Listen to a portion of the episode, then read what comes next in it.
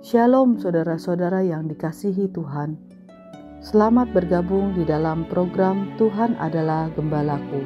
Sebuah program di mana kita bersama-sama merenungkan firman Tuhan. Firman yang meneguhkan iman agar kita hidup menyenangkan hati Tuhan dan menjadi berkat bagi sesama.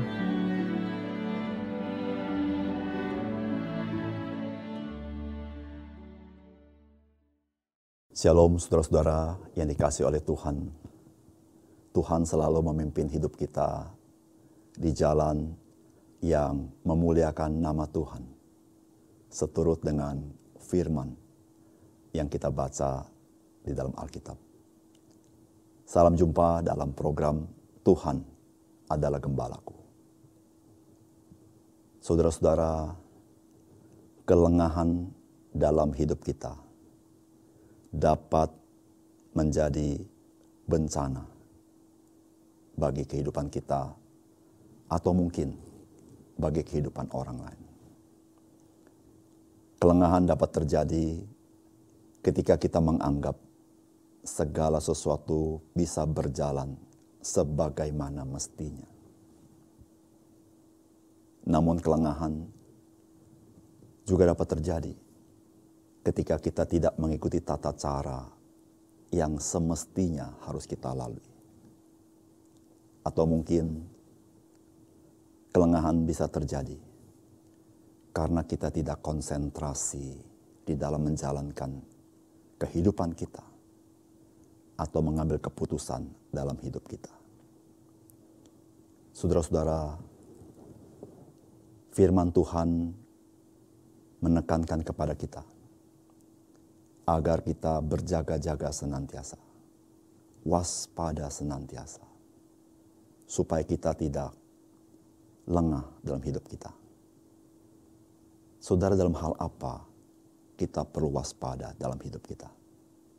Inilah yang akan kita renungkan dari firman Tuhan yang terdapat di dalam Injil Matius pasal yang ketujuh ayat 15 sampai dengan ayat 23. Waspadalah terhadap nabi-nabi palsu yang datang kepadamu dengan menyamar seperti domba. Tetapi sesungguhnya mereka adalah serigala yang buas. Dari buahnya lah kamu akan mengenal mereka. Dapatkah orang memetik buah anggur dari semak duri atau buah ara dari rumput duri? Demikianlah setiap pohon yang baik menghasilkan buah yang baik. Sedang pohon yang tidak baik menghasilkan buah yang tidak baik.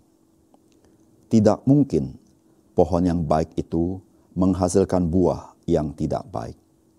Ataupun pohon yang tidak baik menghasilkan buah yang baik. Dan setiap pohon yang tidak menghasilkan buah yang baik pasti ditebang dan dibuang ke dalam api.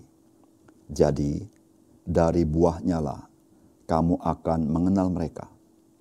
Bukan setiap orang yang berseru kepadaku, Tuhan, Tuhan, akan masuk ke dalam kerajaan sorga. Melainkan dia yang melakukan kehendak Bapakku yang di sorga. Pada hari terakhir, banyak orang akan berseru kepadaku, Tuhan, Tuhan, bukankah kami bernubuat demi namamu? Dan mengusir setan demi namamu, dan mengadakan banyak mujizat demi namamu juga. Pada waktu itulah aku akan berterus terang kepada mereka dan berkata, Aku tidak pernah mengenal kamu. Enyahlah daripadaku, kamu sekalian pembuat kejahatan.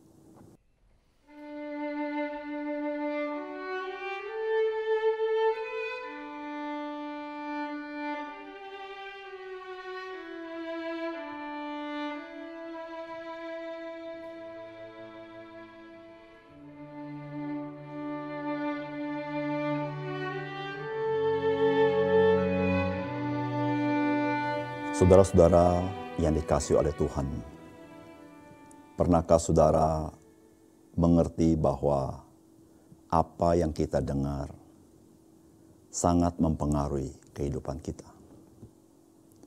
apalagi kita sering mendengarkannya dan itu masuk ke dalam alam pikir kita, bahkan masuk ke dalam benak kita. Sehingga semuanya itu mempengaruhi perilaku hidup kita, sikap hidup kita. Saudara-saudara, inilah yang Tuhan peringatkan kepada kita tentang ajaran-ajaran yang sesat, yang tidak sesuai dengan kebenaran firman Tuhan. Ajaran seperti itu, ajaran yang berbahaya, yang mempengaruhi bagaimana saudara hidup, bagaimana saudara bersikap terhadap kehidupan ini, bahkan bagaimana sikap saudara kepada Tuhan. Oleh karena itu, saudara-saudara, ada pesan Tuhan yang sangat penting terkait hal ini. Yang pertama, saudara-saudara, Tuhan mengajarkan kita agar kita waspada terhadap ajaran yang mirip-mirip dengan ajaran kebenaran firman Tuhan. Saudara Tuhan Yesus berkata, waspadalah terhadap nabi-nabi palsu. Saudara, kalau kita berbicara tentang hal yang palsu, itu bukan sesuatu yang lain dari apa yang kita punya, tetapi yang mirip dengan apa yang kita punya. Ketika berbicara nabi palsu, saudara-saudara, maka saudara-saudara, Tuhan Yesus mengajarkan nabi palsu itu akan datang menyerupai domba, padahal mereka adalah serigala. Saudara-saudara, ajaran yang mirip-mirip dengan kebenaran firman Tuhan itu bisa menjerat kita. Saudara-saudara, jikalau kita tidak waspada, kita berpikir itu adalah ajaran firman Tuhan. Saudara-saudara, peringatan ini berlaku juga bagi kita hari ini ada begitu banyak ajaran-ajaran yang mirip dengan ajaran firman Tuhan, tetapi bukan ajaran firman Tuhan. Saudara-saudara, mari kita selalu waspada untuk hal itu. Yang kedua, saudara-saudara, Tuhan mengajarkan kepada kita, kita bisa membedakannya dengan melihat buahnya. Tuhan berkata, dari buahnya lah kamu mengenal. Saudara, buah apa yang dimaksudkan oleh Tuhan di sini? Saudara, buah di sini bukan berbicara tentang perbuatan baiknya. Tingkah laku yang baik. Bukan itu. Karena ketika berbicara mengenai nabi, maka nabi punya satu fungsi yaitu menyampaikan firman Allah, menyampaikan ajaran Tuhan. Sehingga saudara-saudara yang kasih dalam Tuhan, yang dimaksud dengan buah di sini adalah saudara bisa mengenal dari ajaran yang mereka ajarkan kepada kita. Saudara, pengajaran yang sesat itu bukan dari Tuhan. Pengajaran yang tidak sesuai dengan prinsip kebenaran firman Tuhan, itu bukan dari Tuhan. Yesus berkata, pohon yang baik menghasilkan buah yang baik. Saudara-saudara maksudnya adalah, pohon yang baik itu adalah pohon yang ditanam oleh Tuhan. Maka dia berbuah, yaitu kehendak Tuhan. Saudara-saudara, pengajaran yang benar itu berasal dari Tuhan. Tuhan yang berbicara. Namun pengajaran yang salah itu bukan dari Tuhan.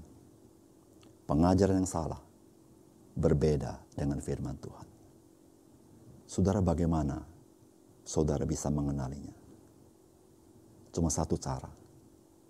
Kalau saudara mengenal firman Tuhan dengan baik, maka saudara bisa mengetahui apakah ajaran-ajaran itu memang berasal dari Tuhan. Namun jikalau saudara tidak mengenal firman Tuhan dengan baik, saudara menjadi orang yang rentan terjerat ajaran-ajaran yang sesat. Saudara mari kita mempelajari firman Tuhan, merenungkan tiap hari, supaya kita bisa membedakan ajaran-ajaran yang sesat itu.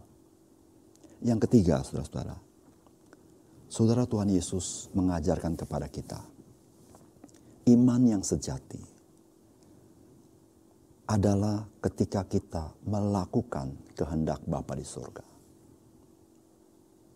Saudara terus terang, manusia lebih suka dengan apa yang dilihat.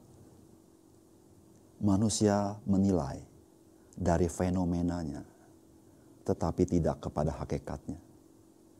Dan Tuhan memperingati kita, bukan setiap orang yang berseru-seru Tuhan, Tuhan akan masuk ke dalam kerajaan sorga. Saudara, bukankah kita berpikir, kalau orang begitu tekun memanggil nama Tuhan, pastilah orang ini adalah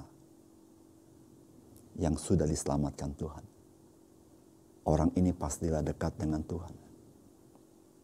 Namun Tuhan Yesus berkata tidak demikian. Kita juga sering kali berpikir, kalau seseorang di dalam nama Tuhan bisa melakukan pekerjaan-pekerjaan supranatural, pastilah orang ini berkenan kepada Tuhan. Tetapi Tuhan berkata, "Aku tidak mengenal engkau." Saudara-saudara, apa hakikatnya iman yang sejati seorang yang dikenal oleh Tuhan? Yaitu ketika orang itu melakukan kehendak Bapa di surga. Melakukan firman Tuhan dengan ketaatan yang penuh. Saudara itulah ciri-ciri orang-orang yang berkenan kepada Tuhan. Yang memiliki iman yang sejati. Saudara-saudara, firman Tuhan itu adalah bagi kita. Mari kita periksa diri kita. Apakah saya sudah memiliki iman yang sejati itu? Bagaimana kita tahu? Apakah saya punya kesukaan melakukan kehendak Bapa di surga? Mari saudara, di tengah dunia yang bengkok, kita menjadi orang-orang yang melakukan firman Tuhan. Supaya kita boleh bercahaya di tengah dunia yang gelap ini. Mari kita berdoa. Bapa kami di surga, kami berterima kasih. Di tengah-tengah dunia yang penuh informasi, penuh filosofi, penuh pengajaran-pengajaran yang bertentangan dengan firman Tuhan. Bahkan ya Tuhan, ada pengajaran-pengajaran yang mirip-mirip dengan firman Tuhan. Tuhan Yesus engkau memperingati kami supaya kami waspada. Dan Tuhan tolong kami supaya kami juga boleh melihat dan membedakan buah apa yang benar dan buah apa yang sesat. Tuhan tolong kami, kami boleh mengenal firman-Mu dengan baik. Sehingga dengan demikian kami mempunyai kepekaan terhadap segala sesuatu yang terjadi dalam dunia ini. Dan bantu kami ya Tuhan. Kami bukan saja seorang yang tahu memanggil nama Tuhan, tetapi kami seorang yang mencintai Tuhan dengan melakukan kehendak Bapamu di surga. Tuhan kami menyerahkan hidup kami ke dalam tanganmu hari ini, supaya kami melakukan apa yang Tuhan rindukan, seperti yang Tuhan firmankan kepada kami. Sehingga dengan demikian ya Tuhan, hidup kami boleh memuliakan nama Bapa di surga. Di dalam nama Tuhan Yesus, kami berdoa. Amin.